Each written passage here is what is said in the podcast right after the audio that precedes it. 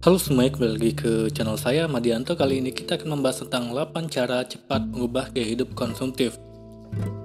Pola hidup konsumtif tak bisa dilepaskan dari gaya hidup modern yang serba praktis dan mobile.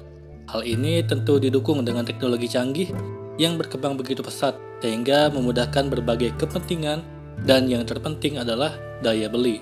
Di satu sisi, pola dan gaya hidup konsumtif memberikan kenikmatan dan kepuasan baik secara fisik maupun psikologis. Namun disadari atau tidak, gaya hidup konsumtif justru memiliki dampak kurang baik terhadap kesehatan finansial.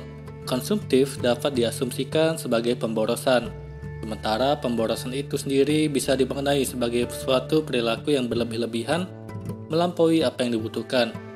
Ketika masih memiliki daya beli, perilaku konsumtif memang mengasihkan.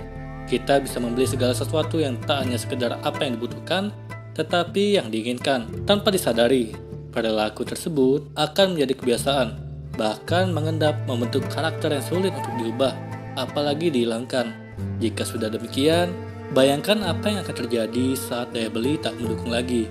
Tentu saja, kesehatan finansial akan mengalami gangguan yang bisa jadi semakin kronis dari hari ke hari. Lantas, jika sudah terlanjur konsumtif, apakah kebiasaan buruk ini masih bisa diubah dan diperbaiki? Intinya selama ada kemampuan dan kemauan untuk mengendalikan diri pasti bisa. Mengendalikan diri dari perilaku konsumtif seolah masih tampak abstrak.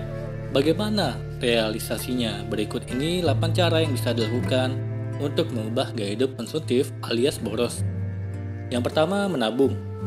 Meski tampak sederhana, namun tidak semua orang bisa menyisihkan uangnya untuk ditabung, apalagi mereka yang bergaya hidup konsumtif, diakui atau tidak.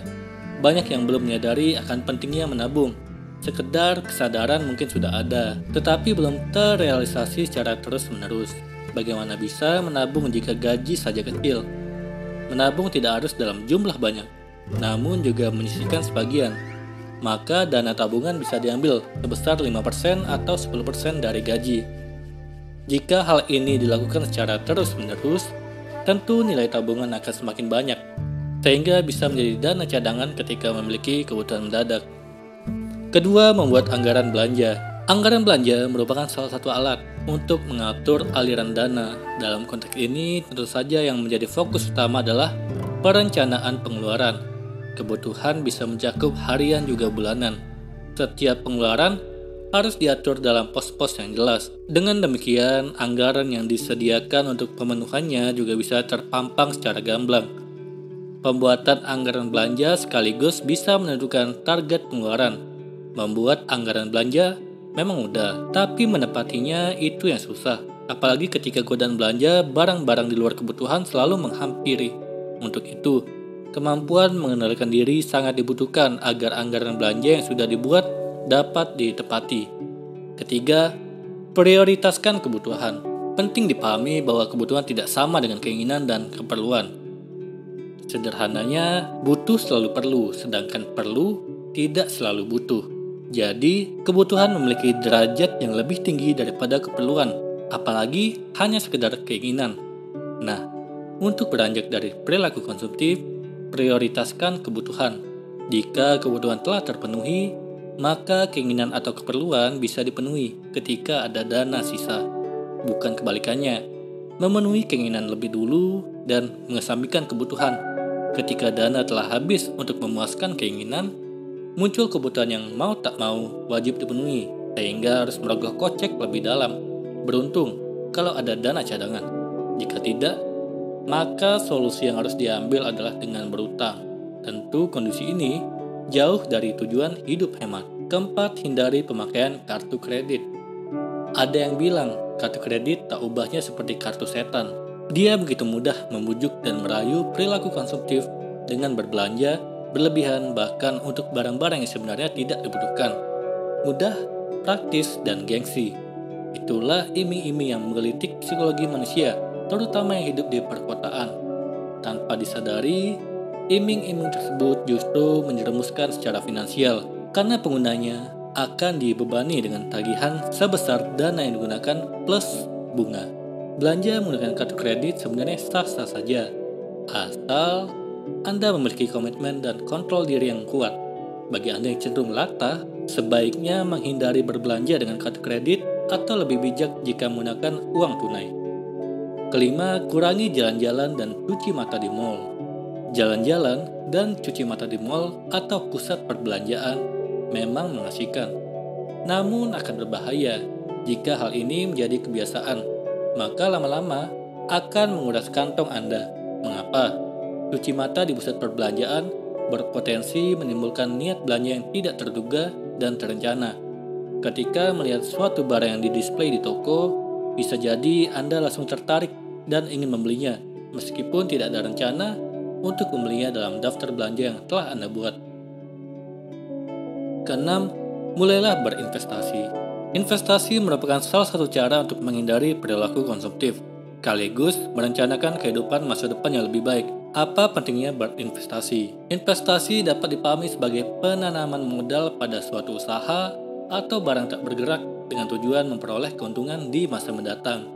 Ketika usia Anda tak lagi produktif, investasi bisa menyelamatkan kehidupan di masa tua Anda. Misalnya saja, membeli properti. Jika belum ingin memanfaatkannya untuk diri sendiri, anda bisa menyewakannya kepada pihak lain sehingga Anda memperoleh keuntungan dari uang sewanya. Selain itu, Anda juga bisa menikmati nilai properti yang cenderung meningkat setiap tahunnya. Ketujuh, cermatlah ketika membeli barang. Mahal tak selalu berkualitas dan murah tak selalu murahan. Agaknya prinsip tersebut perlu bahkan wajib Anda terapkan ketika membeli suatu barang. Membeli barang berdasarkan fungsi akan lebih bijak dibandingkan berdasarkan merek yang hanya untuk menunjang gengsi. Contohnya saja tas. Bagi kebanyakan wanita, barang tersebut sangatlah berharga. Tak heran jika barang ini dikoleksi oleh kaum hawa. Namun untuk apa membeli tas dengan harga mencapai ratusan juta? Padahal fungsinya sama dengan tas yang berharga ratusan atau hanya puluhan ribu saja. Perilaku tersebut tentu saja merupakan pemborosan. Kedelapan, beramal dan bersedekah. Cara yang satu ini memang berbau religi, namun tak kalah ampuh untuk mengubah perilaku konsumtif dengan beramal dan bersedekah berarti Anda telah berbagi dengan orang-orang secara ekonomi tidak seberuntung Anda.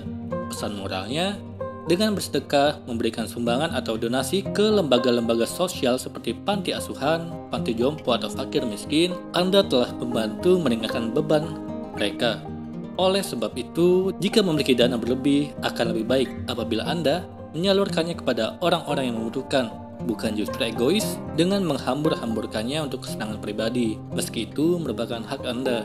Jika Anda termasuk salah seorang yang berperilaku konsumtif, ada baiknya jika tips ini diterapkan sebelum Anda mengalami kebangkrutan.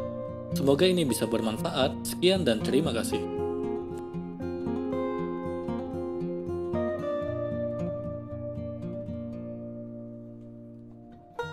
Halo semuanya, terima kasih telah menonton video ini sampai akhir.